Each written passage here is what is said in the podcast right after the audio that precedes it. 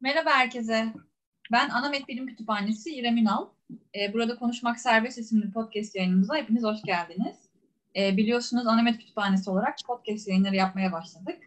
İlk yayında sevgili İpek ve Sina ile tasarım ve kütüphaneler konusunu konuşmuştuk. İkinci yayında Defne, Mustafa ve Senem ile Koç Üniversitesi Sunakıraç Kütüphanesi dijital koleksiyonların mutfağına daldı. Şimdi üçüncü yayınımızda ise İstanbul Araştırmaları Enstitü Kütüphanesi'nden Furkan Sevim'le enstitüyü, kütüphaneyi, onun kütüphanecilikle ilgili neler yaptığını konuşacağız. Merhaba Furkan. Merhaba İrem. Ee, öncelikle kırmayıp yayına katıldığın için çok teşekkür ederim. Ee, ben teşekkür ediyorum. Ne demek? Ben seni tanıyorum ee, ama dinleyenler için biraz kendinden bahsedebilir misin? Evet, ismim Furkan. Ee, 2013 yılında İstanbul Üniversitesi'nden mezun oldum ben. Ee, mezun olmadan önce 2011 yılından itibaren çalışmaya başladım kütüphanecilikle ilgili alanlarda. Yordam'ın birçok projesinde çalıştım 3 yıl boyunca mezun olana kadar. Sonra bir meslek yüksek okulunda çalışmaya başladım. 4 yıl orada çalıştım. E, iki tane kısa diyebilecek bir üniversite kütüphanesi ve bir arşiv şirketi e, deneyimim olduktan sonra e, İstanbul Araştırmaları Enstitüsü'ne başladım. 2019 yılında, evet Şubat ayında. Süper. Böyle o günden beri burada çalışıyorum. Güzel. Teşekkür ederiz. Ee, o zaman sana ilk sorumla başlıyorum. Ee, ilk sorum şu. Bize İstanbul Araştırmaları Enstitüsü'nden bahsetmek ister misin? Çünkü e, yani aslında dinleyenlerin çoğu bence e, İstanbul Araştırmaları Enstitüsü'nü duymuştur bir yerden. Yani detaylı olarak bilmese bile e, aşina olduklarını düşünüyorum. E, ama sen biraz enstitüden bahsedebilir misin bize? Tabii e, enstitüden bahsetmeden önce aslına bakarsan biz bir vakıfın çatısı altındayız. Ondan bahsetmem gerekir diye düşünüyorum. Sınav İnan Kıraç Vakfı. Hı hı. E, vakıf sağlık, eğitim ve kültür sanat e, alanında işler yapıyor. E, örnek verecek olsak mesela sağlık alanında nörodejenerasyon araştırma laboratuvarı var. E, eğitim alanında yine kurucularımız TGV'nin kurucuları. Yine işte İnan Kıraç Galatasaray Eğitim Vakfı e, Başkanı. E, kültür sanat alanında da ilk etapta tabii Sunav İnan Kıraç Vakfı yoktan Akmet kurulmuş. Daha sonra şu anda Koç Üniversitesi'nin bünyesinde Akmet. Hı E, Sunav İnan Kıraç Vakfı kurulduktan sonra da Pera Müzesi ilk olarak ve daha sonra da İstanbul Araştırmaları Enstitüsü kuruluyor e, biliyorsun. Hı hı. E, İstanbul Araştırmaları Enstitüsü'nden e, bahsedecek olursak biz e, üç ana araştırma bölümünden oluşuyoruz kuruluşta. Yani İstanbul üzerine bir araştırma enstitüsü. Bu üç konu Bizans, Osmanlı ve Cumhuriyet bölümlerimiz, araştırma bölümlerimiz var. E, İstanbul Araştırmaları Enstitüsü'nde neler yapılıyor diye soracak olursam, e, kütüphanenin yani içindeki materyallerden yararlanarak sergiler, projeler, işte yayınlar, e, onun dışında bunlara bağlı olarak yine söyleşiler, konuşmalar, e, hatta atölyeler e, yapılıyor birlikte. E, aslında İstanbul Araştırmaları Enstitüsü ile Pera Müzesi'ni ayrı çok düşünmüyoruz. Yani. Pera Müzesi İstanbul Araştırmaları Enstitüsü zaten, evet, zaten çok yakınız ama birlikte de çok fazla iş yapıyoruz. Yani birazdan belki konular gelince sıralanır. Hı. Mesela Pera Müzesi'nin sanat kitaplığı bizim İstanbul Araştırmaları Enstitüsü'nün içerisinde. E, keza birlikte birçok etkinlikler, birlikte birçok işler yapılıyor. Peki burada lafını keseceğim. E, bu e, işlere, e, atölyelere ya da işte söyleşilere insanlar nereden ulaşabilir, nereden görebilir bunların haberlerini? Web sitesinden, sosyal medya Tabii tabii. Vesaire. Sosyal yani İstanbul Araştırmaları Enstitüsü'nün sitesinden e, bizimle ilgili yani İstanbul İAE ile ilgili olan etkinliklere ulaşabilirler. Pera Müzesi ile olan ilgili şeyleri de Pera Müzesi'nin internet sitesinden ulaşabilirler. İki, iki kurumunda farklı farklı sosyal medya hesapları ve internet siteleri. Aslında birbirinden bağımsız kurumlar ama çok birlikte çalışan, iç içe çalışan hı hı. kurumlarız biz. Birçok ortak e, çalışma yapıyoruz senin de bildiğin gibi. E, yani örneğin burada bir e, şey oluyorsa, burada bir sergi oluyorsa o sergiyle ilgili bir film gösterim yapılacaksa Pera Film bize aslında bakarsan destek oluyor diyeyim. E, birlikte şey de daha... Yine, yine lafını keseceğim. Bibliopera'dan da takip edebilirler değil mi? Orada da Aa, evet tabii yani. tabii. Biz, evet yani... yani ufak bir bibliopera'dan da bahsedecek olursak bibliopera e, İstanbul Kalkınma Ajansı'nın desteğiyle oluşturulmuş bir e, toplu katalog projesi. E, içinde e, 12 kurum var yanlış hatırlamıyorsam şu anda. E, biz Anamed olarak da bu projenin içinde yürütücü olarak Suna Kıraç Kütüphanesi'nin yürütücülüğünde e, devam eden bu projeye Anamed olarak biz de varız. E, Hollanda Araştırma Enstitüsü de var. Aynı binada olduğumuz için onu söylemem gerek. Evet, ANİT de var. E, ve IAE de var. O yüzden IAE'nin de etkinliklerini, duyurularını e, Bibliopera sosyal medyası ve web sitesi üzerinden de takip edebilirsiniz diye bunu da ekleyeyim aklıma gelmişken. Evet doğru söylüyorsun. Ee, Bibliopera'da bu bölgedeki kütüphanelerin kurduğu küçük ama etkili bir oluşum diye düşünüyorum ben de evet. açıkçası. E, çünkü hmm. çok fazla e, işe yani işe yarıyor diyebiliriz aslında tam tabir olarak. Canım, yani, yani işte, kurumların birbiriyle konuşması yani birbiriyle iletişim, evet, evet. etkileşimi, araştırmacıların özellikle e, yani tek bir e, kurum bünyesinde kalmayarak e, kendilerini yayabilmeleri, araştırmaları konusunda daha fazla e, kaynağa ulaşabilmelerini sağlayan bir toplu katalog. Yani şeyde senin dediğin gibi Beyoğlu e, bölgesiyle sınırlı. E, evet. Onu da söyleyelim. O yüzden e, 12 kurum var. Şimdi Zaten yani, o yüzden biblio. Biblio, biblio aynen. Evet, o yüzden biblio. Evet. Aynen, bir mekansal sınırlaması var yani. Onu da eklemeden evet. geçmeyelim. Ee, devam edecek olursak yani biz mesela enstitüden şöyle bahsedelim. Enstitüyü sen biliyorsun ama bilmeyenler için Aynen. bizim bir sergi salonumuz var giriş katta. Orada sürekli olarak sergiler oluyor. Yani dönemsel olarak. Ee, şu anda çok güzel bir sergi var. Hafızayı Beşer. Ben çok yani benim çok sevdiğim bir sergi olarak. Yani ben çok hoşuma gitti. Evet senin de çok sevdiğin bir sergi. Çünkü yani burada yapılan işler e, sadece salt hani mesela yazmayı alıp koyup bu yazma budur diye bir şey değil. Onun bir hikayelendirilmesi oluyor açıkçası. O benim çok hoşuma gidiyor ve aşağıda yani benim ben birinci katta olduğum için aşağıda diyorum. E, giriş katında e, çok güzel bir sergi var. Şu anda da gelip görebilir herkes. Herkes de bekliyoruz sergiyi. E, yine dediğim gibi yani yayınlar mesela bir yıllığımız var. Yıllık çıkartılıyor. Artık hakemli bir dergi oldu. E, dergi Park üzerinden de ulaşılabilir.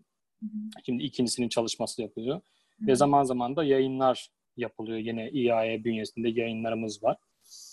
Böyle İAE'den bahsedecek olursam genel hatlarıyla e, üç katlı bir yani üç katı olan bir kütüphaneye sahibiz yine.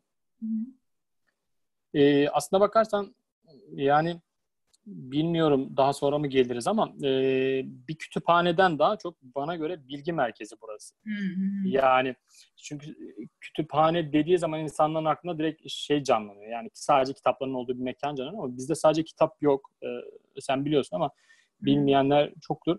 Yani bizde işte 35 bin kitap var. Yine 35 bine kadar şu anda yani kataloglanmış, e, tasniflenmiş dediğimiz e, görsel işler arşiv malzememiz var bizim. İnanılmaz İstanbul fotoğrafları var. Çok fazla. Hı hı. Ve arka planda belki de bunun herhalde 3-4 katı tasniflenmeyi bekleyen bir e, görsel işler arşivimiz var. Bunları söylemem gerektiği düşünüyorum. İşte afiş koleksiyonumuz var örnek verecek olursam. Vesaire vesaire. Ama e, yani sadece bir kütüphane değil de e, tam anlamıyla bir bilgi merkezi diyebilirim belki. Peki sen 2019 Şubat'ta başladın dedin değil mi? Yani kaç evet. sene kadar oldu? İki sene, ya bir buçuk sene falan oldu. Bir ee, buçuk sene oldu evet. Evet tamam. az önce biraz detay yani kütüphaneden bahsettin ama detaylı olarak kütüphane ile ilgili neler söyleyebilirsin? İstanbul Araştırma Enstitüsü Kütüphanesi ile ilgili hani bize biraz bahset dersek neler anlatabilirsin? Evet tabii. E, bir buçuk sene oldu. Hatta ilk geldiğim zamanlarda seninle görüştük. Hatta ilk sana Hı-hı. sormuştum diye hatırlıyorum. Yani çünkü bu bölgede çalıştığını, Anamet'te çalıştığını biliyordum. E, öncelikle ya burası e, benim için çok güzel bir başlangıç oldu. Ben bu başlarken hiç yabancılık çekmedim öyle söyleyeyim. Yani sanki uzun yıllar burada çalışıyormuş gibi bir e, hissiyat vardı içinde. E, ve burada çalışmak keyifli. Nasıl keyifli diye soracak olursan e, genel itibariyle benim çalıştığım yerlerdeki kendi şikayetim şu olur. Yani çalıştığınız ekip arkadaşları ya da işte o kurumda çalışan araştırmacılar, hocalar sizi zorlayamıyor. Yani zorlamıyor. E, du. Ama burada öyle bir şey söz konusu ki mesela dün bir örnek vereceğim. Dün buradan bir e, arkadaşım, yani burada çalışan birisi bana e, şöyle bir mail attı. Ayrı basımlarımız var bizim biliyorsun. Yunanca ayrı basımlarda e, yazarın çalıştığı kurumu e, otomasyon sisteminde hangi alana girebiliriz? bunu nasıl görebiliriz diye bir şey sordu. Uzmanlık sorusu.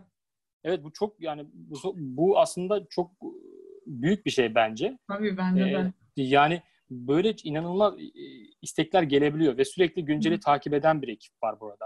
Hı. Yani kişisel olarak bahsediyorum. Sürekli mesela e, biz sürekli yayın alımı da yapıyoruz tabii.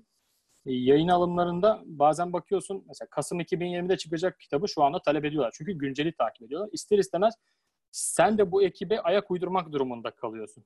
Yani aslında bakarsan seni geliştiriyor. Olduğun yerde saydırmıyor ya da işte e, geriye götürmüyor diyelim. Öyle güzel bir yer bunun için. Kütüphaneden detay verecek olursam dediğim gibi yani 35 bine yakın kaynağımız var. E, bunlar sadece kitap. İşte Hı-hı. süreli yayınlarda 15-16 bin tane dergimiz var. E, yine görsel işitsel malzemede 35 bin tane bir görsel işitsel malzememiz olması lazım. Fotoğraflar, işte diyalar, afişler, bir sürü. Böyle e, şeyler var e, kütüphane içerisinde.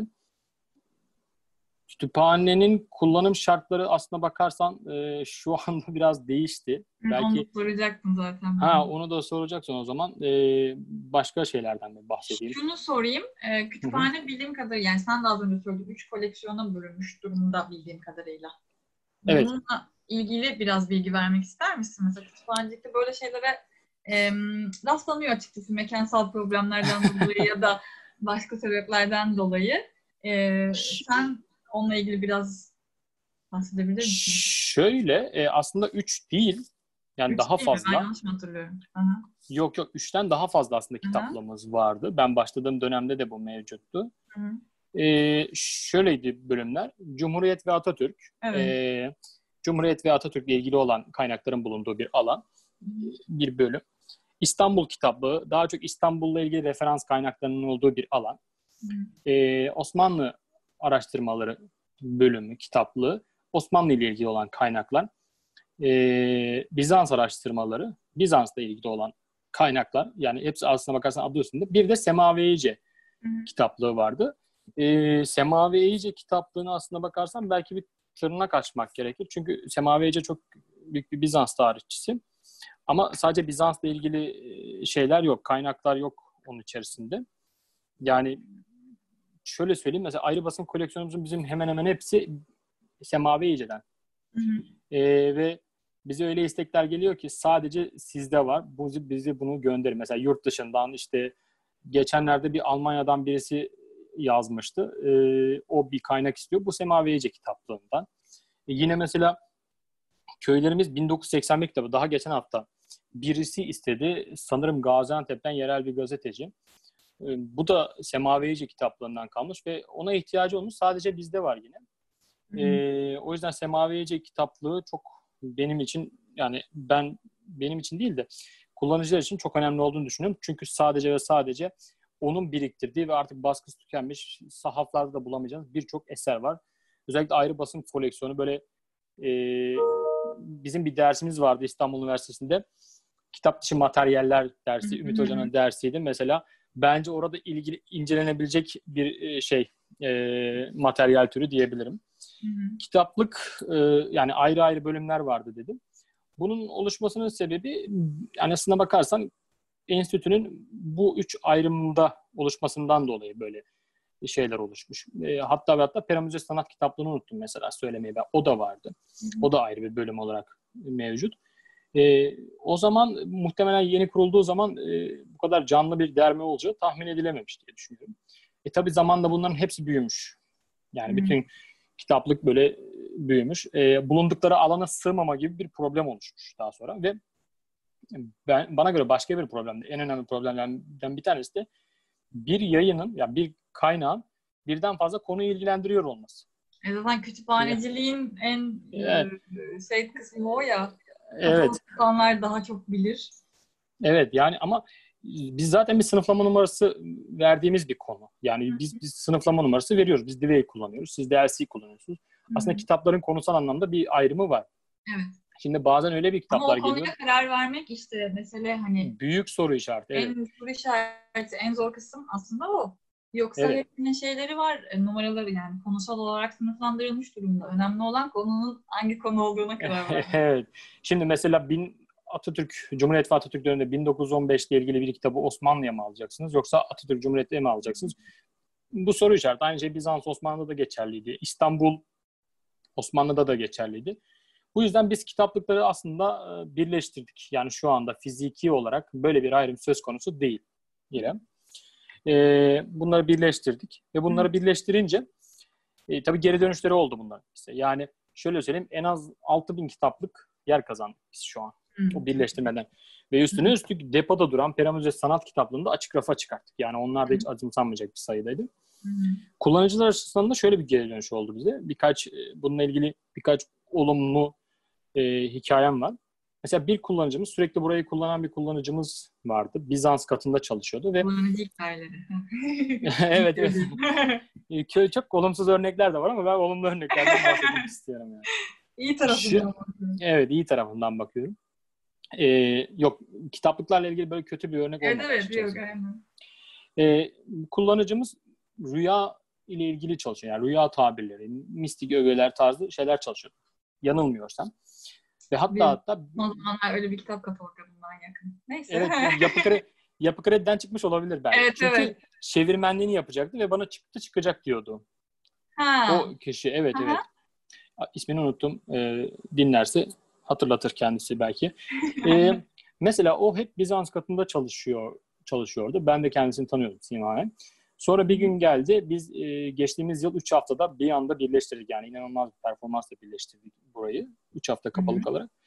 E, sonra bana kitaplarını yerinde bulamadığını söyledi. Ben tabii hemen anlattım sistemi. Değiştirdiğimiz şöyle oldu. Bunu yaptık. İşte zaten sınıflama numarası var. Bakın takip ediyor falan. Aslında bakarsan çok hoşuna gitmedi ilk etapta. Sonra... E çünkü evet ya insanlar alışkanlıklarından kolay kolay vazgeçemiyor gerçekten.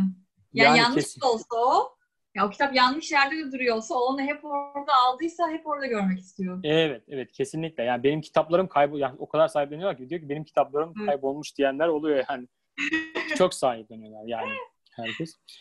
Ee, sonra çalışmaya başladı. Ee, çıkarken geldi dedi ki aslında benim konumla ilgili çok daha fazla kaynak varmış. Yani ben iki tane kaynaktan çalışıyordum. Yedi tane kaynak varmış bu konuyla ilgili. Çok mutlu oldum dedi. Yani aslına bakarsan böyle e, olumlu geri dönüşleri de oluyor. Çünkü senin dediğin gibi alışmışlar ve or- oranın dışına çıkmıyorlar. E, belki başka bir alana başka kitaplar ekleniyor konuyla ilgili ama göremiyorlar. Biz kitaplıklarımızı birleştirdik. Artık fiziken böyle bir ayrım yok. Ama e, biz bunların ayrımlarını biliyoruz tabii ki de. Bu kadar. Bunu söyleyebilirim kitaplıklarla ilgili. Şu anda öyle bir ayrım yok. Anladım. Güzel. Peki o zaman az önce e, değineceğimiz konuya şimdi değinebiliriz. Covid dönemini sormadan önce bizim artık e, eski güzel normal günlerimizle ilgili soru sormak istiyorum. E, normal bir durumda İstanbul Araştırmaları Enstitü Kütüphanesi'ni kullanmak isteyen bir araştırmacı ne yapması gerekiyor? Yani ben şimdi bir, bir şey yani um, bir kitap aramak istiyorum ve e, internetten baktım. İstanbul Araştırmaları Enstitüsü'nde var. Ya da e, kitabı aramadım. Direkt İstanbul Araştırmaları Enstitüsü Kütüphanesi'nin varlığından haberdar oldum ve gelip kullanmak istiyorum. Bir işe nereden başlamam gerekiyor? Varlığından haberdar olmaktan da ziyade yoldan geçerken de girenler ha, oluyor bu arada. Nasıl? Aynen. Çünkü evet, merkezi bir yer. de çok oluyor. Sizinki kadar olmasa da bizimki de merkeze sayılır yani. Hemen bir yan caddede. Evet, aynen. Ee, şöyle, biz herhangi bir kullanıcı ayrımı yapmıyoruz. Yani üyelik sistemimiz zaten yok. Araştırmacı, e, öğrenci ya da öyle gezmeye gelmiş olan herkes içeriye girebiliyor. E, zaten girişte bir sergi salonumuz var biliyorsun. Bazen Hı-hı. sergi salonunu gezmeye gelip de kütüphaneye çıkabilir miyim diyenler oluyor. Evet. Herkes girebilir direkt içeriye. Biz kısa bir oryantasyon veriyoruz. Yani çok kısa. İşte kütüphanenin ne olduğu, neden oluşturulduğu, hangi kitapların olabileceği e, vesaire. Ve e, direkt aslına bakarsan katalog taramaya yönlendiriyoruz kullanıcıyı. Nasıl yapabileceğini söyleyerek. Bir katalog tarama sonucunda işte çeşitli yönlendirmeler var. Hangi kitapların depodan alınabileceği, hangi kitapların açık raftan alınabileceği vesaire Hı. gibi basit yönlendirmelerle. Yani ikisi ee, hem kapalı raf hem açık raf. Tabii tabii. Yani aslına bakarsan bizim açık rafta olan kitaplarımızın iki katı da depoda var. Hı. Yani ne, öyle bir şey var. O yüzden e, biz bizde herhangi bir kullanıcı kısıtlaması yok. Hiç hı. de yapmadık çünkü e, ya özellikle mesela öğrenciler buraya Covid'den önce çok daha rağbet gösteriyorlar tabii şu anda e, almıyoruz araştırmacı dışında. E, öğrenciler burayı keşfettiklerinde çok mutlu oluyorlardı. Çünkü diğer mekanların hepsi hemen hemen çok yoğun, doluydu. Hı. Öyle söyleyeyim. Biz de öğrencileri hiçbir zaman hani siz ders çalışıyorsunuz gidin gibi bir tavır sergilemedik. Hı. Böyle yani genel kullanıcılar böyle. Şimdi yani evet. döneminde neler yaptınız diye sorabilirim hatta. Nasıl bir e, şey sizi bekliyor ve kullanıcıları evet. bekliyor? Nasıl bir dönem? Şimdi Covid döneminde tabii herkes gibi biz de evden çalışma dönemine başladık açıkçası. Hı. Evden yapabildiğimiz yani ben şahsen evden yapabildiğim bazı şeyleri yaptım. İşte katalog düzeltmeleri, çeşitli katalog düzeltmeleri, e, yazmalarla ilgili bazı düzeltme, yazmaların kataloğuyla ilgili bazı düzeltmeler açıkçası. E, onun dışında kullanıcıya e, ne sunabiliriz diye bütün ekip düşünmeye başladı açıkçası. Burada yani çok sıkı harılları sürekli çalışan bir ekip var arka planda. E, ne, ne yaptık? Covid dönemince ilk olarak biz yazmalarımızı Şevket Rado, genelde Şevket Rado yazmalarından oluşuyor. Biliyorsun bizim enstitümüzün yazmaları var. Bunların hepsini biz açık erişime açtık. Yani daha önceden gelip kullanıcı talep edip çok cüzi bir miktarda da olsa ücretle satın alıyordu. Sonra düşündük dedik ki biz bunları açık erişime açalım. Herkes zaten açık erişime açmaya zaten düşünülen bir şeydi. Covid bunu biraz hızlandırdı yani. E, onları açtık 18 Nisan'da ve inanılmaz bir indirilme, görüntülenme sayısına ulaştık. Yani şu an ben sana e, şöyle söyleyeyim 36 bin üzerinde 18 Nisan'dan beri bir görüntülenme olmuş. Ya bu bence inanılmaz bir rakam. Muhtemelen e, enstitü açıldığından beri bu kadar kişiye ev sahipliği yapmamıştır. Sergi de dahil. Ya tabii bunlar kişi değildi. Belki bir kısmı e, yağmacı bir grup olabilir. Yani hepsini indirmiş olabilir. Sorun değil. Zaten amaç e, açık erişimde bunu açmak. E, böyle bir şey yaptık ve çok olumlu bir geri dönüş aldık açıkçası. E, onun dışında belli bir süreç geçtikten sonra işte Mayıs ayında şeyi düşünmeye başladık. Açılırsak, çünkü normalleşme olacağı söyleniyordu. Açılırsak neler yapabiliriz? Neler yapamayız? Ya da işte kullanıcı alacak mıyız, almaz mıyız? Sonra orada bir beyin fırtınası yaratarak dedik ki sadece araştırmacıları alalım. Çünkü hem onların sağlığını korumak hem de kendi sağlığımızı korumak için. Ve e, internet sitemizde görebilirsiniz. E, bir form var. Form form oluşturduk açıkçası. Biraz zor bir form bana göre. Yani ben oluşturdum daha doğrusu öyle söyleyeyim. Biraz zor bir form. Ee, insanların yani gelecek kişilerin araştırmacı olup olmadığını sorguluyoruz aslında bakarsan. Yani standart... Bir randevu talebi anladığım kadarıyla. Evet evet randevu talebi evet. Kişisel bilgilerin dışında mesela şunu soruyoruz. E, e katalog taraması yaptınız mı? Hı hı. Yani evet derseniz ona göre bir seçenek karşınıza çıkıyor. Hayır derseniz ona göre bir seçenek. Hı hı. Çünkü e, bir araştırmacı e, araştırma yapmadan önce bir katalog literatür taraması yapar diye düşünüyorum. Ve o yaptığı literatür taraması yani kaynak taramasının sonuçlarını da biz ya o istediği kitapları ben bir gün öncesinden hazırlıyorum onun masasına koyuyorum ve ona belli bir alan ayırıyoruz bu arada. Yani biraz da Covid dönemindeki kurallarımıza girmiş olduk. Hı hı. Ee, bırakıyoruz oraya. El dezenfektanı, eldiven e, tabii maskeyle giriliyor. Ve günün belli bir saati bir buçukla dört buçuk arasında kullanıcılarımıza hizmet veriyoruz. Çok fazla vakit geçirmemeleri Kişi sayısı var mı peki? Evet, kişi sayısı altı kişiyle sınırladık. Ee, ama altı kişi hiç aynı günde olmadı. Maksimum üç oldu. Ee, böyle bir önlem aldık biz açıkçası. Bir de şöyle bir seçenek sunduk isteyenlere telif hakları çerçevesinde. Hı hı. isteyenlere dijital kısımları da gönderebileceğimizi söyledik. Ee, şu ana kadar 27-28 kez form dolduruldu herhalde. Yanlışlarla birlikte. Yanlışla ne zaman başladınız bu sisteme? 15 Haziran'da biz e, araştırmacılar almaya başladık. Hı hı. E, hemen hemen günlük bir kullanıcı ya tekabül ediyor şu an sayımız. Geri dönüşler nasıl oldu peki? Memnunlar mı insanlar kütüphaneye kavuştukları için? evet evet çok memnun olan bir kitle var. Ee, çok uzun zamandır beklediğini söyleyenler var. Çünkü. Bizi sadece ya biz, bizi sadece akademisyenler kullanmıyor aslında bakarsan kullanıcı evet. açısından söylersek. Mesela Hı-hı. çok fazla mimarlık ofisi bizim kütüphanemizi kullanıyor. Çünkü bazı çalışmalar yapmaları gerekiyor ve o çalışmalar için bir kaynak göstermeleri gerekiyor. O kitap bizde var. O kitabın içinde işte oranın görüntüsünü alıyorlar. Neydi hatırlamıyorum ama tam olarak teknik terim. Röleve olabilir belki öyle bir şey miydi? Neydi? Öyle bir öyle bir şey alıyorlar. İşte fotoğraf alıyorlar bazı şeyler, kurumlar. bunu delillendirmeleri gerekiyor galiba. Anıtlar Kurulu'nda. O, onları alıyorlar. Ee, yani kullanıcılardan böyle iyi görü, iyi geri dönüşler aldık. Hı hı. Çok iyi. Son şey yani evet. yok lafını kesmeyeyim sen bitir. Ne ne diyor ne diyordum? Unuttum. kullanıcıların geri dönüşleri. ha, kullanıcıların geri dönüşleri yani iyi oluyor. Ha şunu söyleyecektim ben. Mesela o formda bu kopya, dijital kopyasını ister misiniz seçeneğinin şu ana kadar hiç kimse evet demedi. Yani herkes şahsen gelmek istiyor. Gelmek evet, istiyor. Yani aslında ilginç değil. Yani insanlar kütüphaneleri özledi bence. Çünkü yani biz de öyle geri alıyoruz. Böyle hatta şey yani e, romantik bir geri dönüş oluyor yani. Özledik, biz daha çok özledik, biz de sizi özledik falan diye böyle kullanıcılarla sosyal medya üzerinden böyle konuşuyoruz zaman zaman. O yüzden tahmin edebiliyorum yani gelmek istemeleri çok normal. E, çünkü yani o kadar açık erişim bir sürü kaynak var. Belki de yani bizim kütüphanede, sizin kütüphanede de ulaşabilir yani kütüphaneye gelmeden ulaşabilecekleri seçenekler var. Dediğim gibi size dijital olarak gönderme seçeneği olmasına rağmen gelmek istiyorlar. Çünkü yani insanlar hem sosyalleşmeyi özledi hem de e, kütüphane sonuçta üçüncü mekan diyoruz ya ev, iş ve e, evet. sonrasında kütüphane geliyor artık. O yüzden hani bu alışkanlıklarından vazgeçmek istemiyorlar.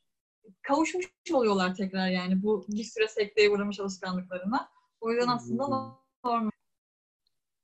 Belki de evet bu da ilginç bir anekdot yani e, Covid sonrası insanlar çok korkmadan hatta bizim ders çalışmaya gelen e, çok fazla kullanıcımız vardı. Düzenli olarak gelen yani her gün bizimle birlikte mesaiye başlayıp bizimle birlikte bitiren kullanıcılarımız vardı. Şu an onları ağırlayamıyoruz maalesef ama onlar da çok kez sordular telefona ya da buraya bizzat gelerek. Yani evet senin dediğin gibi insanlarda bir özlem var diye düşünüyorum ben de. Artık yaşam alanı olmuş. Üçüncü mekan dediğin gibi. Şey evet. peki yani bu çok soracağım klişe bir soru ama aklıma geldi ve çok insan da düşünüyordur bence. Kütüphane sadece İstanbul üzerine çalışan insanlar için mi? Yani başka konularda yani az çok bahsettin sen zaten. Başka konularda yayınlar bulmak mümkün mü? Sadece hani İstanbul Araştırmaları Enstitüsü diye e, kütüphanede e, İstanbul üzerine yayınlardan oluşan bir koleksiyonum var. Ee, çok güzel bir soru. İyi ki sordun. Yoksa bahsetmeyi unuturdum. Ee, şöyle sadece İstanbul üzerine değil kesinlikle. Ama İstanbul ağırlıklı. Ee, özellikle az önce bahsettiğim Semaveyce koleksiyonu bir Anadolu ile ilgili birçok kaynağa sahip. Mesela Anadolu kentlerinin monografileri mevcut.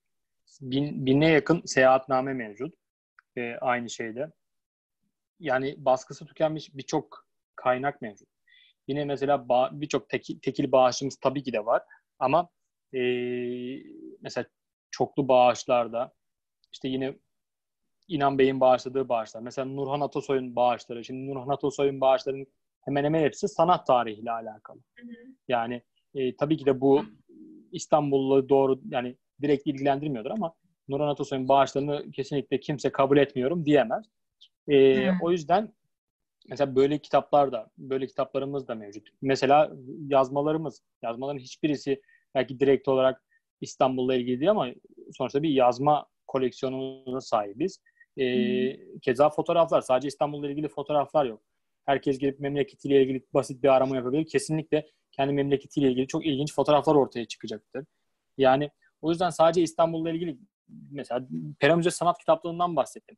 Özellikle hmm. modern sanatla ilgili o kadar çok e, kitap geliyor ki Pera Müzesi'ne. Yani Pera Müzesi'nin yaptığı çalışmalarda Pera Müzesi bir sergi hazırlayacaksa o konuyla ilgili kaynaklar talep ediyor. Alıyorlar, kullanıyorlar. Sonra diyorlar ki bunlar burada kalsın. Kütüphanede kalsın. Bir sürü, evet kütüphanede kalıyor. Bir modern sanat aslına bakarsan bir sanat kitaplığımız da küçük bir alanda yani totalde küçük bir alanda diyebilirim. Yani 700'lerde. Öyle söyleyeyim ben Divey sınıflama numarasına göre.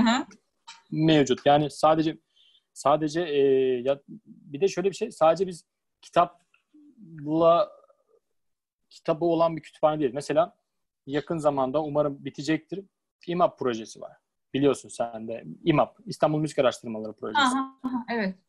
Ee, mesela bu müzede müzik etkinlikleri yapıldıktan sonra ortaya çıkan bir fikir. Aslında Pera Müzesi'ne ortak çalışmayla ilgili bir şeyden bahsetmek istiyorum. Müzenin yaptığı etkinliklerden sonra böyle bir fikir ortaya çıkıyor ve bunu da yürütmek için enstitü seçiliyor. Enstitü şu anda İstanbul Müzik Araştırmaları Projesi yapıyor ve ee, mesela oradan gelecek kaynaklarla bir de müzik kitap müzik kitaplığımız olacak. Aha, yani, yani şey bir, sadece e, İstanbul'la ilgili değil. Anladım. Bir proje üzerinde çalışıldığında ya da bir beyin fırtınası sonucu bir şeyler oluşturulduğunda e, yapılacak şeylerle ilgili de e, aslında enstitü kütüphanesi bu şeye yani bu koleksiyonları evet, evet. ağırlıyor. Evet evet. Necmettin Hilal ve Nuri Duyguyer bu arada. Ee, mesela müzik notu arşivimiz olacak. Hani Çok şu an iyi. taranda, hazırda bekliyor. Ee, bir kısmı o proje yürütenler tarafından girildi. Ee, müzik notaları olacak. Ne bileyim gazete küpürleri var onların içinde. Bu kişilerin biriktirdiği vesaire. O yüzden sadece İstanbul'la ilgili birçok konuda kitap bulabiliyoruz. İşte Köylerimiz 1981 az evvelki örnek. Yani Köylerimiz 1981 kitabını sen niye saklıyorsun? Ne içinde de ne olduğunu söyleyeyim ben sana. Bütün köylerin, Türkiye'deki bütün köylerin alfabetik listesi hangi ilçe ve ilde olan. Yani Çok kitap, kitabı, kitap, ben merak ederdim şahsen. yani inanılmaz bir şey. Bu bir, bir, bir araştırmacıya neden nasıl lazım olur? Mesela bu çok ilginç bir şey ama bunu Semavice e, saklamış, biriktirmiş ve sonra birisine bir kullanıcıya lazım oldu. Biz de verdik. Süper. Ee, bir, bir, bir, bir diğer sorum aslında biraz seninle ilgili. Evet. Ee, sen Türk Kütüphancılar Derneği İstanbul Şubesi'nde görevlisin bildiğim kadarıyla. Ee, şimdi evet. senden biraz dernekten ve bu görevinden bahsetmeni. İsteyeceğim. Mümkünse. Tuzak. Biraz böyle Tuzak. dinleyenlere yani hem belki öğrenciler vardır bilgi belge yönetimi okuyan ya da meslektaşlar vardır yeni işe başlayan ya da yani ilgisini çeken insanlar vardır. Hani Türk Kütüphancılar Derneği nedir, ne yapar kısaca? Ee, senin İstanbul Şubesi'nde nasıl bir geçmişin var, neler yapıyorsun, dernek neler yapıyor? Onlardan biraz bilgi istiyorum senden. Tamam. Ee, Türk Kütüphaneciler Derneği İstanbul Şubesi'nde. Yani şu an yönetim kurulundayım. Tabii e, daha önceden de yaklaşık herhalde bir 8 yıldır dernekteki organlarda görev aldım. Birçok organ işte denetleme kurulu oluyor, yedek üyelik vesaire vesaire. Yaklaşık 8 yıldır dernekle ilgili işlerle ilgileniyorum ben. Son iki yılda Asil Yönetim Kurulu üyesiyim.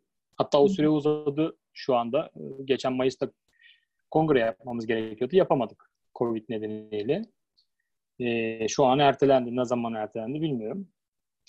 E, Türk Kütüphaneciler Derneği ne yapıyor genel anlamda? E, işte kitap kütüphanecilere ve kitap dostlarına yön veriyoruz, yön gösteriyoruz, yardımcı oluyoruz. En büyük etkinliklerimizden bir tanesi kütüphane haftası. Biliyorsun sen de. Kütüphane haftasının düzenlemesinde e, İl Kültür Turizm Müdürlüğü ile ortak çalışıyoruz. Yani belediyelerle, STK'larla birçok kurumla ortak çalışıyoruz. Bunu yapmaya çalışıyoruz. Ee, yine standart olarak yaptığımız etkinliklerden bir tanesi TÜYAP'ta standımız açılıyor dernek olarak.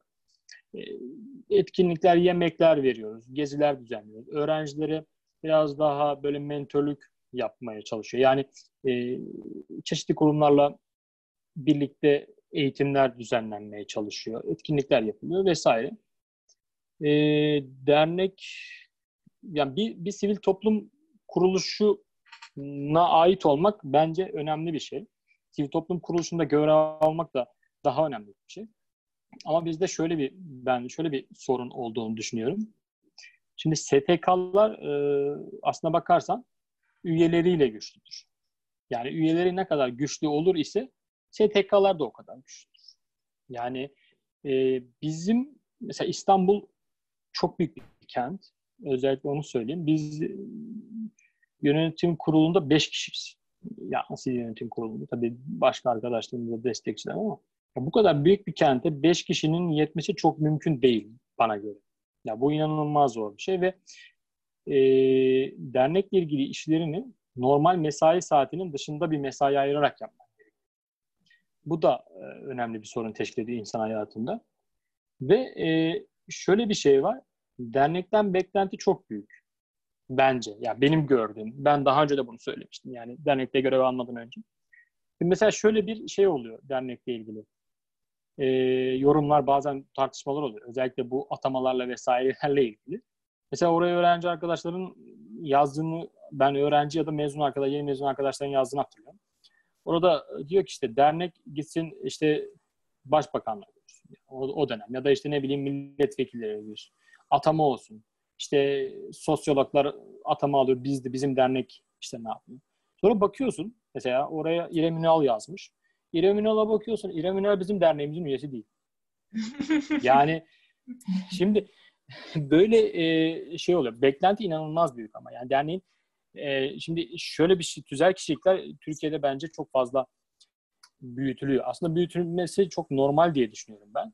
Ama e, dediğim gibi yani şimdi mesela güncelde örnek, örnek vereceğim. Mesela baroların sesi çıkıyorsa, bir şekilde bir yerde haber oluyorsa, taraflı ya da tarafsız bakmıyorum yani. E çünkü güçlü bir örgütlenme yapıları var. Bizim böyle bir yapımız yok açıkçası. Ya da e, işte... Diğer sorum da böyle olacaktı. Yani şey, oraya da bağlayabiliriz. Yani hani bu Türkiye'de bu kütüphanecilik mesleğini nasıl görüyorsun? Meslek yani, evet. Yani öğrenciler için değil de öğrenciler yani daha henüz çok böyle hani olanlar illaki vardır ama henüz e, o şeyin içinde değiller diye düşünüyorum ben ama hani mesleğin içinde olanlar e, ne durumda? Yani işte atamalardan bahsettin hani e, bu nasıl görülüyor? Bir yani senin sen, senin gözünden sen bunlarla ilgili nasıl bir yorum yapmak istersin? Sektörde çalışan biri olarak yani. Hatta özel tamam. sektörde çalışan biri olarak belki bu atamalarla ilgili de hani hani dışarıdan daha rahat bakılabiliyor ya bazen hani devlette çalışmak, evet, evet. çalışmak evet, gibi evet. bir ayrım var ya bizde de. Hani sen nasıl görüyorsun bunu? Şöyle bağlayabilirim ben konuyu. Dernekten o noktaya gidecek olursam. Şimdi yani öncelikle bizim yani derneklerimizin gerçekten çünkü birçok dernek var. İşte Ankos dernekleşti. Çok iyi bir alanda hizmet ediyor. Ünak var. Çok iyi eğitimler veriyor. Ee, okul kütüphanecilerinde derneği var. Okul kütüphanecileriyle ilgili. Ee, unuttuysam unuttuklarım benim bağışlasın. Mesela Avrasya Kütüphanecileri Derneği benim bildiğim kadarıyla. Yani çok fazla dernek. Aslında bu kötü bir şey değil. Yani dernek farklı alanlarda dernekleşmek ve işbirliği altında çalışmak çok önemli bir şey. Ama dediğim gibi dernekleri, dernekler üyeleriyle güçlüdür. Yani hem maddi hem de manevi olarak. Yani dediğim gibi az evvelki örnekteki gibi yani İrem bir şey istiyor bizden ama e, bakıyorsun ne aidatını ödemiş 6 yıldır ne de işte e, dernek üyesi olmuş. Ya yani bu çok zor. E, özellikle yani mesela derneklerin böyle sihirli bir değneği yok. Hani böyle talepler geliyor çünkü. Sihirli bir değneğimiz yok bizim. Gidelim işte bakanla görüşelim, şunu yapalım. Zaten biz şube olarak değil de hani genel merkezde de biraz yapısını bildiğin için söyleyeyim. Genel merkezin de böyle bir şey yok, şans yok. Hani şu olsun dediğinde olacak. Oradan şuraya bağlayacağım. Senin sorunun meslek olarak neler olacak? Meslek olarak e, işte ya da işte öğrencilere, meslektaşlara ne gibi tavsiyen olur diye. Ee, şimdi istihdam Türkiye'de genel bir sorun. Bu çok net yani bu kimsenin şey yapabileceği bir durum söz konusu değil. Belki buradan birçok şeyi eleştirebilirsin. Yani eğitim politikasını eleştirirsin. Çünkü ben olaya şöyle bakıyorum. Tarih okuyorsun. Normalde tarih okursan aslında tarih bilimi akademisyenlik yapmak için okur. Tarih öğretmenliği öğretmen olmak için okur aslında bakarsan. Yani tarih öğretmenliği bölümü var bir de tarih bölümü var. Tarih bölümünden mezun olduktan sonra aslında beklentinin tarih öğretmenliği olmaması lazım. Ama böyle bir gerçek var. Her tarih bölümünden mezun olan ben atanamadım diye bir eleştiri getiriyor. Ee, burada belki eğitim politikasını eleştirebilirsiniz. Ama yani sen tarih okuduysan bence tarih öğretmenliğini beklememelisin diye düşünüyorum ben açıkçası. ya çünkü bu bunun bir bölümü var. Ben öyle söylüyorum açıkçası. Ee, bizim mesleğimizle ilgili de şimdi ben öğrenciyken tek amacım memur olmaktı. Gerçekten Ciddi mi? söyleyeyim. Yani ben hep memur, evet evet hep memur olmak istedim. Hatta ben Neden memur olup Ağrı'ya e çünkü çok yani, rahattı memurluk. Hı. Yani öyle anlatılmıştı. Yani Doğru. sen de Doğru. çok farklı 2000 kaç Yok, mezunusun? 2010. Ben 2013 mezunuyum. Ben hiç memur olmayı ha. düşünmedim. Ama tabii memuriyet... Hayır hayır öyle öyle anlatıldı. Tabii Çünkü, yani. Evet. Şimdi bölüme girmeden önce baktıysan forumlara falan yazılanlara 60 ile 55 ile memur oluyorduk o dönemlerde. Yani 2009'da bizim girdiğimiz dönemlerde yanlış hatırlamıyorsam. Ben, ben de... hatırlıyorum bizden önceki mezunların. Hı-hı. 69 işte 65'lerle 60'larla falan memnun olduklarını. Çünkü rahattı yani. Memur oldun sırtını devlete daya gibi bir seçenek evet. söz konusuydu. Ee, şimdi bu olmadı. Zamanla inanılmaz düştü atamaların atamaların sayısı. 4'lere 5'lere hatta bazen hiç olmadı. Sonra sözleşmeli şeyler alınmaya başladı. Yani sözleşmeliler çok fazla alındı. Bir 200 kişi alındı galiba bir 4 sene 5 sene önce. Şimdi yine alındı. Tabi bu iyi bir şey. Hı hı. Ama ben şöyle bir eleştiri getireceğim meslektaşlarımıza, öğrencilerim, öğrencilerimize. Yani kimseye altın tepside maalesef bir fırsat sunulmuyor Türkiye'de. Ee, biraz e, kendilerini kendilerini sorgulaması gerek diye düşünüyorum ben. Özellikle ne anlamda mesela yeni... şey mi? Bölümü e, evet. bir sebebi olarak mı? Yoksa... Yok hayır. Ya bölümün hakkını vermek ile ilgili diye ben söylüyorum. Yani şimdi sen kendini ben şimdi özel sektörde işveren olarak görüyorum ve birisine yatırım yapacaksın. Şu anda e, bir en herhalde 3000 lira falandır diye düşünüyorum. İşverene maliyeti, bir kişinin aylık maliyeti. Ve sen bu aylık maliyet yüklediğin kişiden bir sorun çözmesini istiyorsun. Yani bir iş var ve o işi halletmesini düşünüyorsun. Ama ben şöyle görüyorum. Çoğu çoğu kişide böyle bir potansiyel yok. Yani Ama öğrencinin suçundan ziyade sanki dediğin gibi eğitim politikasıyla da biraz ona o, o nokta o noktaya da geleceğim. Yani oraya geleceğim. Aslında buradan oraya bağlayacağım. Ee, yani mesela size de geliyordur. Bir staj mesela staj başvurusu mailleri geliyor. Yani inan bir günde 7 tane mail geldi ve hepsi birbirinin aynı mail. Yani hiçbirinin bir özgünlüğü yok mesela. Bu burada sen bu e, arkadaşa staj imkanı vermek ister misin? Ben vermek istemem çünkü niye diye sorarsan e, ben staj yaptıracağım insana bir şey anlatacağım ve 5 birim iş yapabilecekken o varken bir birim iş yapabileceğim. Hı hı. Yani biraz e, kendini de eleştirmekle ilgili bir şey diye söylüyorum ben. Yani e, CV'ler mesela CV'ler görüyorsun. Bu belki de hani yanlış anlaşılabilir bir öğrenciler tarafından. Ama bakıyorsun herkesin hobisi aynı. Kitap okumak, film izlemek. Hı hı. Yani e, her şey artık e, standartlaşmış durum. Bence. Yani hani burada şey e, duyamadım. Empoze ediliyor bence aslında bu hani kitabı yani hani olmuş bir kalıbı e, almak çok kolay ve yani hani e, karşımıza çıkan şeyler yani mesela Google'a CV örneği yazdığında karşına çıkan şeylerde hepsinde kitap okumak ve film izlemek yazıyordur. E, öğrencinin evet. hiçbir tecrübesi yok bununla ilgili. O da hı hı. yani risk almaktan korkuyor olabilir ve direkt bunu hap bilgi olarak alıyor muhtemelen. Yani hani şey yanlış yapmamak adına Evet, e, evet. Yani bir tık farklılaşmaktan korkup hap bilgi kullanmayı tercih ediyor olabilir. Evet ama bu bence özgün özgünlüğü kaybettiriyor İrem. Ya ben şöyle bir bir bu 5 yıl önce olan mülakata gitmiştim Ankara'da. Milli Kütüphane'de mülakat olmuştu. Hmm, şey demişlerdi yani benden önce iki kişi bir kişi mülakat olurken bir kişi arkada bekliyordu. Ee, önümüzdeki arkada önümüzdeki arkadaş şey demişti yani kitap okuyorum en sonunda kitap okudu diye sordular arkadaşa. Kürk mantolu Madonna dedi. Yani dediler ki sen de mi Kürk mantolu Madonna Yani düşün 400 kişi mülakata giriyor ve herhalde 300 kişisi falan Kürk mantolu Madonna okuduğunu söylüyor. Ama işte bu çok yani, şey yani yine şeyi bu kalıpları eleştirmek gibi ama yani hep şu anda konuşulan son zamanlarda şey ya Instagram'da kahve yanına paylaşılacak kitaplar. Ha, gibi Anladım. yani evet. Yani ben yani ben... yeni mezunlar için, öğrenciler için bu eleştiriyi yani bilmiyorum onlar için çok zor bir tık öteye çıkıp yani bir adım öteye e, gidebilmek onlar için zor bence ama meslekte biraz yıllarını geçirmiş insanlar için haklısın eleştirinde. Ama yine de ee, böyle değilim ben. E, kendimi onun üzerine koyuyorum böyle ben... şey. Yani ko korku olabilir dediğim gibi o hani farklılaşmanın e, yaratacağı şeylerden belki çekiniyor olabilirler bilmiyorum. Şu an şeyim Çok... kötü polis gibi olduk. evet. Ama yok ben öyle düşünmüyorum. Çok açık söyleyeyim. Ben bunu e, birlikte okuduğum dönemdeki arkadaşlarıma da söylemişimdir. Yani senin de etrafında vardır. Hiç kitap açmadan mezun olan ve memur olan arkadaşlarım vardı şu anda. Yani öyle de bir şey mümkün. Bunu da yapabilirsiniz. Tabii. Ama e, yani e, eğer ya mesela şöyle mesela şöyle eleştiriler geliyor. Sizin de kurumunuzda var. Kütüphaneci dışı kütüphane çalıştırmak diye bir eleştiri var.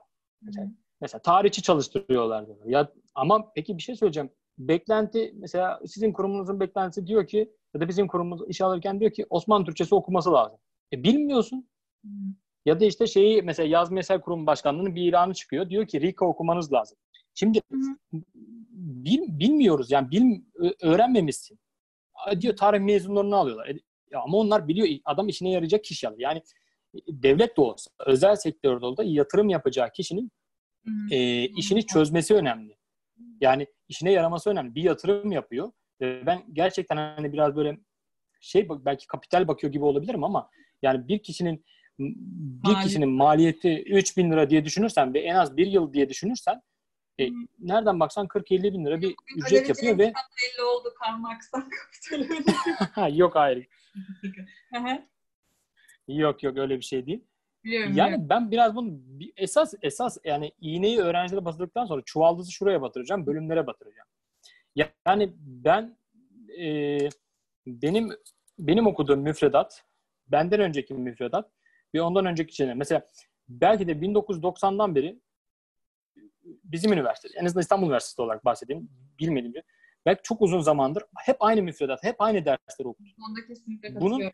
Bunun ben hatalı olduğunu öğrenciyken de söyledim. Buradan beni dinleyen hocalarım olursa Ama hani, ne kadar? evet. Şimdi e, yani mesela şimdi Ümit Hoca veriyordu o dönem bu seçmeli dersi. Alınmasın ama Milli Kütüphane diye bir seçmeli ders vardı İstanbul Üniversitesi'nde. Hani Milli Kütüphane'nin bir ders olabilme gibi bir özelliği yok bence artık. Ya bu bunun bir ders değil aslına bakarsan.